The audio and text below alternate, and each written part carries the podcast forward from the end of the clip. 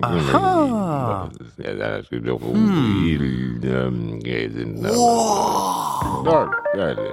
Vzeto na znanje. Podcast Kemijskega inštituta.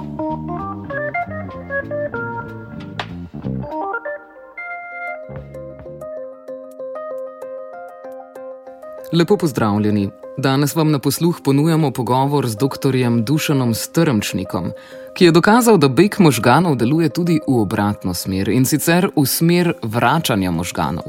Gre za raziskovalca, ki se je nedavno pridružil Kemijskemu inštitutu, natančneje laboratoriju za elektrokatalizo na odseku za kemijo materijalov. Tja je prišel potem, ko je skoraj dve desetletji preživel v Združenih državah Amerike, kjer je bil zaposlen v nacionalnem laboratoriju Argon.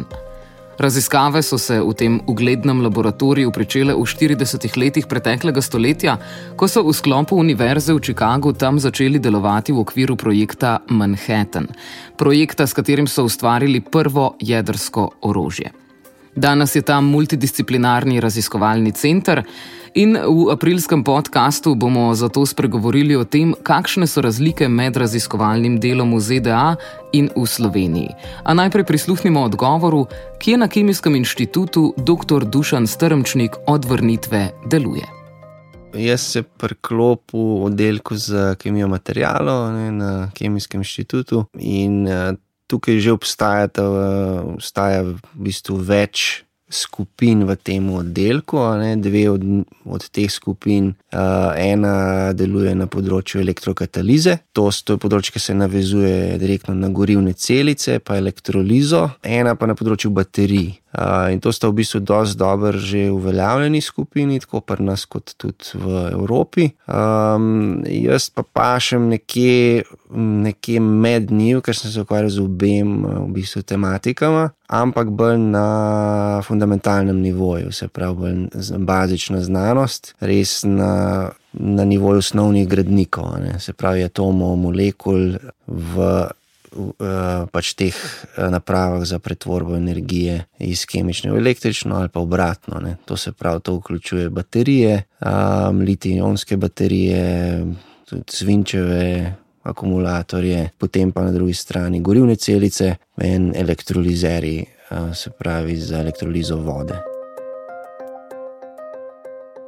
Zakaj pa se je dr. Strmčnik sploh vrnil v Slovenijo, iz katere se sicer po podatkih statističnega urada od finančne krize v letih 2008-2009 izseli okoli 9000 ljudi na leto? To je v bistvu, jaz sem videl kot, to kot priložnost. Um, zdaj, tleh pač veliko faktorjev se uh, naenkrat poklopi. Ena stvar je bila, da, da je pač um, skupina, v kateri sem bil, počasi začela v bistvu izgubljati to svojo. Um, Pozicijo na svetovni ravni.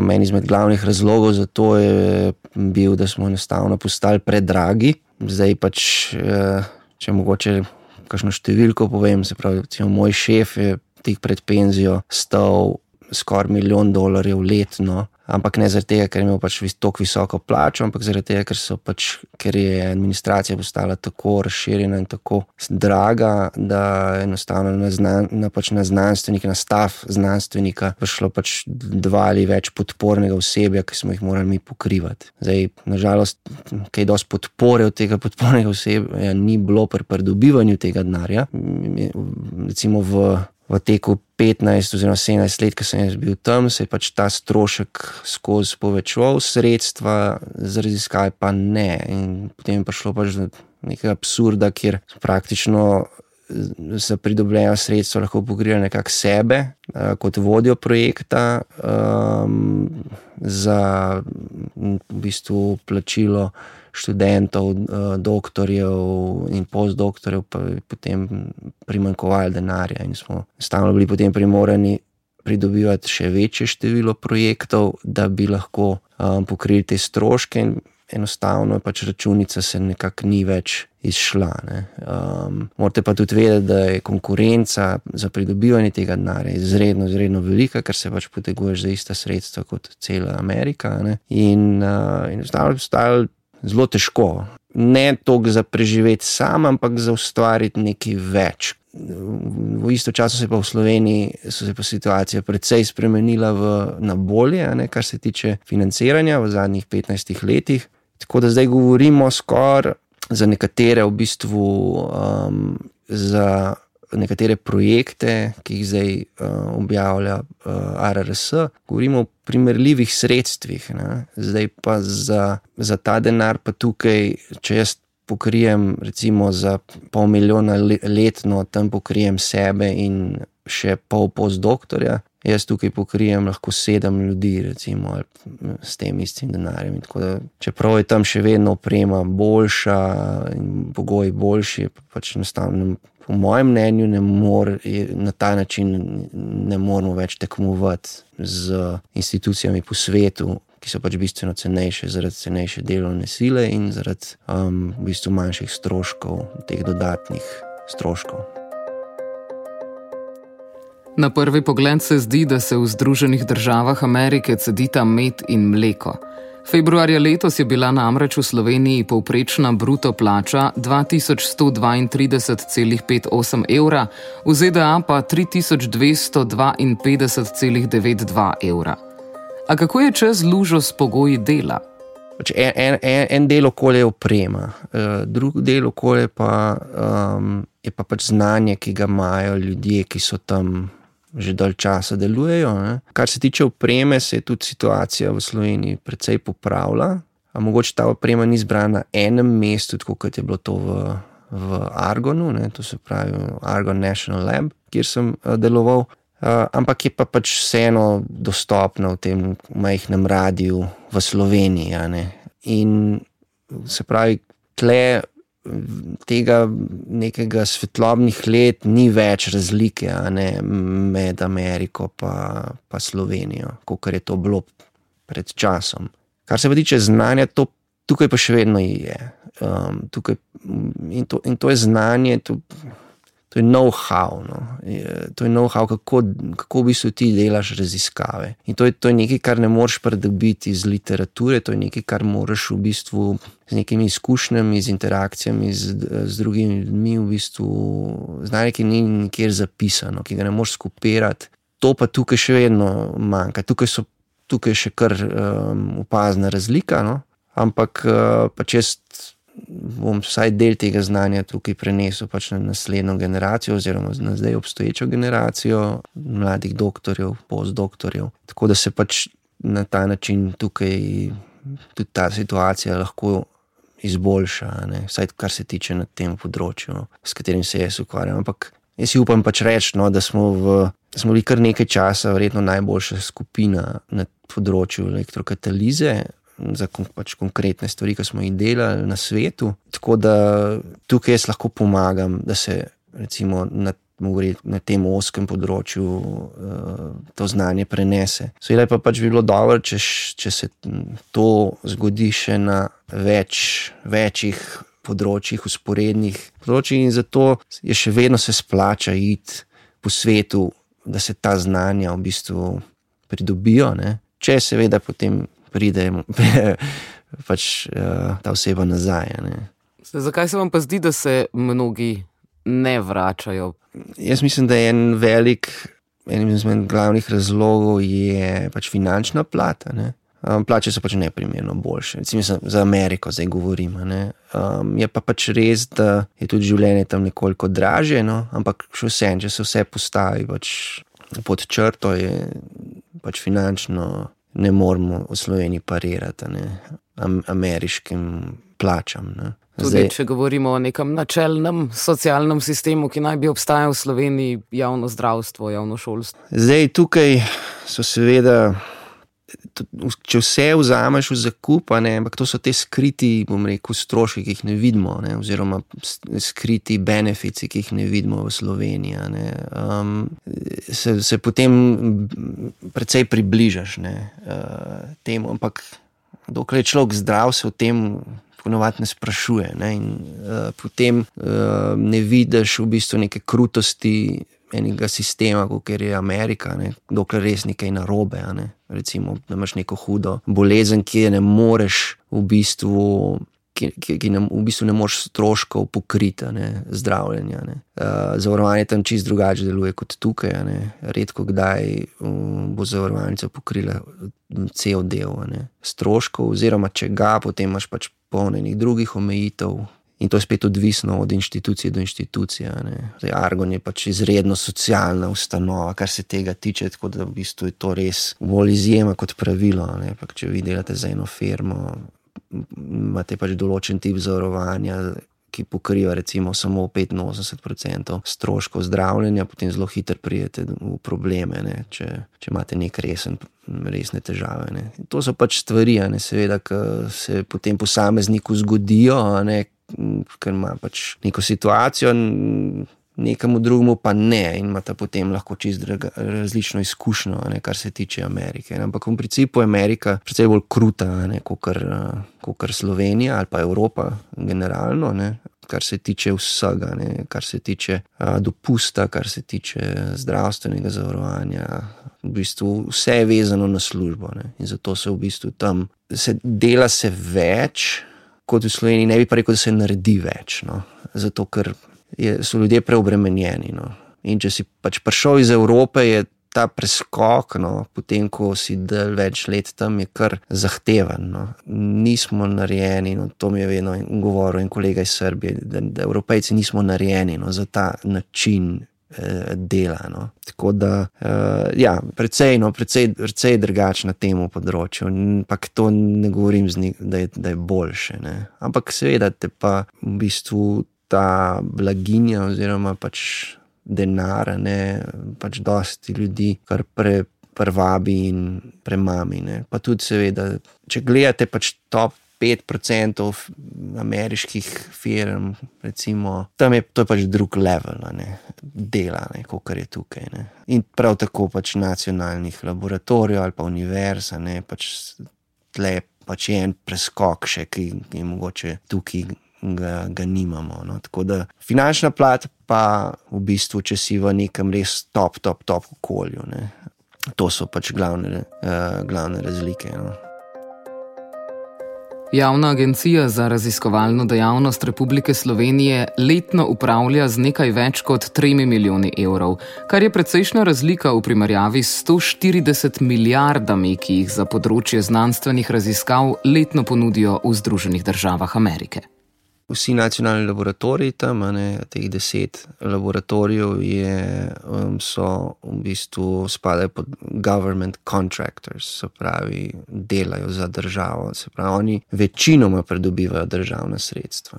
Um, v pač našem primeru je pač glavna uh, agencija Department of Energy um, in oni financirajo večino naših raziskav. Sploh pa bili mi ena izmed redkih skupin, no, ki smo v bistvu imeli dost raznolik ta portfolio uh, sredstev. In sicer smo imeli uh, v bistvu tako državna sredstva, kot, kot tudi industrijska sredstva in precej.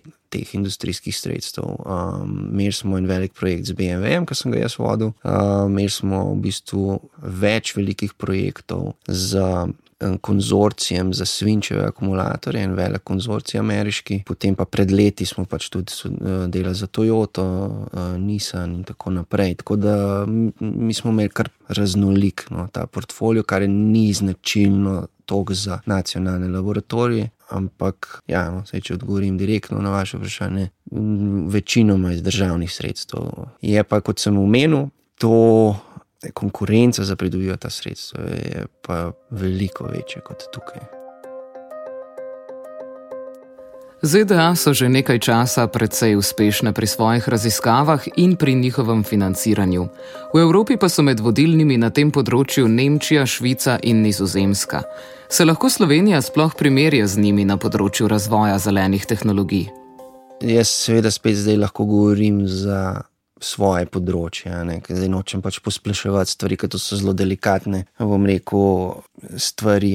Na katerih področjih smo, smo primerljivi, na katerih nismo. Ne. Zdaj pač na svojem, pač mislim, da nismo, ampak pač to zato, ker tle se mogoče na tem nivoju noben ni ukvarjal še. Pač rekel, s to tematiko. Ne. Druga področja so pa pač, seveda, morajo pač drugi strokovnjaki povedati. Je pa gre pa tle, a ne za spet, a ne. Uložek ne, sredstev, pa neko v bistvu kritično maso znanstvenikov in znanja, ne, ki je prisotno. Zdaj, če v Nemčiji postavljajo inštitut, pri nas postavljamo skupinico ne, ali pa oddelek, mogoče. Ne, mislim, to je prim, neko primerjava, ne, to ulo, uložek, ne, um, pa pač pravi nekaj število no, ljudi, ki dela na neki problematiki. Ne. Ampak to je pač tudi povezano pač s velikostjo države, proračuna in tako naprej. Ne, ne moramo se mi primerjati ne, pač z bom rekel, državami, ki pač neprimerno več denarja vlagajo v, v ista področja. Ne. Tako se pa primerjajo s posameznimi inštitucijami, no, ampak se pravi, zdaj je trenutno je situacija dobra in se izboljšuje, in mislim, da gre v pravo smer. Jaz upam, da bo tako naprej še š, uh, tako šlo še naprej. No. Moj cilj je, no, uh, ali pa želja, da bo čez nekaj let se spet usedla in boste to isto vprašanje vprašali. In bom lahko rekel, da smo zdaj. Da tekmujemo, recimo, z, ki ste jih nizozemsko omenili, pač z enim izmed najboljših strokovnjakov na tem področju, ne, uh, Mark Koper. No, to, uh, in da pač recimo z njim, z njim, z njegovo skupino lahko tekmujemo. Um, to, je, to je nekje Eh, moja vizija ne, za naslednjih, recimo, pet, pet let. Ne. S kom pa lahko zdaj tekmujemo? Sej to ne pomeni, da nismo, ne, eh, da nismo dobri. Ne. Še, še, jaz sem prišel šele pred parimi meseci in zdaj na tem področju pač nismo niti tekmovali. Še, bom rekel, na res na fundamentalnem. Drugač pa, um, kar se pa tiče pač skupin, ki sem jih omenil, ne, ki ste pač že kar dosta uveljavljeni, um, to je pač skupina od uh, Roberta Dominka ne, na področju baterij, pa Neca Hodnika na, tudi na področju elektrokatalize. To niso več neznane skupine, ne, oziroma so pač dobro priznane, pa močne skupine tudi v, v, na evropskem uh, nivoju. Ne. Jaz mislim, da z neko sinergijo, pa lahko v bistvu to še nadgradimo in se postavimo še bolj na zemljevid Evrope, no, kot tudi pač na svetovni zemljevid. Na Kemijskem inštitutu je na zadnji dan leta 2022 v raziskovalnem sektorju delovalo 336 zaposlenih, od tega 168 doktorjev oziroma doktoric znanosti. Bi morali za izboljšanje raziskovalne dejavnosti na področju odkrivanja novih zelenih tehnologij v Sloveniji še bolj spodbujati študij kemije in kemijske tehnologije? Nisem prišel sam, jaz sem pripeljal tudi dva znanstvenika s seboj. Tako da v bistvu že, že z tega stališča je eh, že takoj skupina nekoliko bolj pestra, ne? je pač tudi z, z izkušnjami iz um, Amerike. Potem pa še dva, v bistvu sodelavca, uh, tudi nista slovenca, no? uh, še druga dva, ki smo jih zdaj pač v zadnjem času uh, rekrutirali, ne? iz Indije, ena iz Bosne. Tako da uh, je, seveda, posegamo precej, iščemo po tujini. No? Je pa pač izredno težko pripeljati ljudi iz tujine sem, um, še posebej iz zahodne. Evrope ali pa iz Amerike, pa tudi iz drugih koncev sveta, zato ker enostavno pač uh, finančno, uh, kar se tiče plač, pač ne moremo ponuditi primerljivih plač. Ne. Tako da potem v bistvu težko je prodajati, v bistvu, jo, težko je pač ponuditi nekaj um, študentom iz tujine, doktorandom, postdoktorjem, um, kar je finančno. Um, primerljivo z neko Nemčijo. Ne. Tako da, verjet, mislim, če ima pač študent možnost, bo šel pač tja. Ne. Če pa študent iz Slovenije, potem je pa pač to druga zgodba. Ne.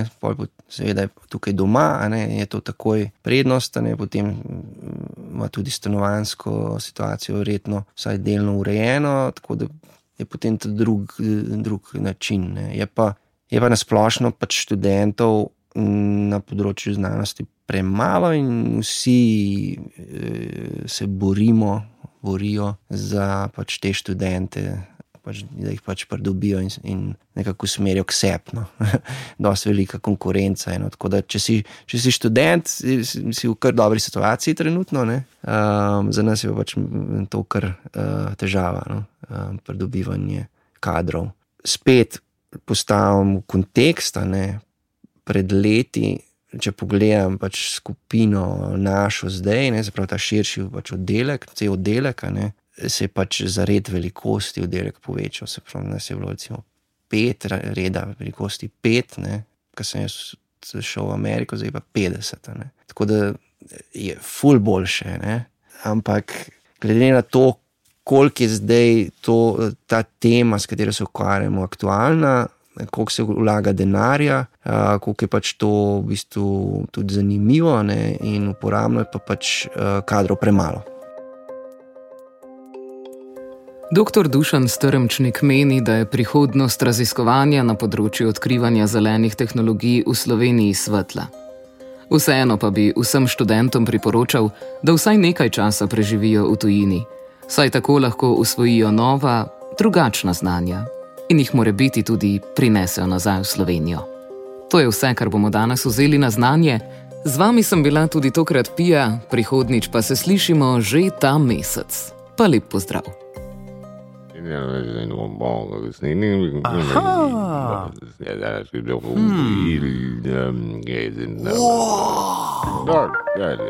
Vzeto na znanje. Podcast Kemijskega inštituta.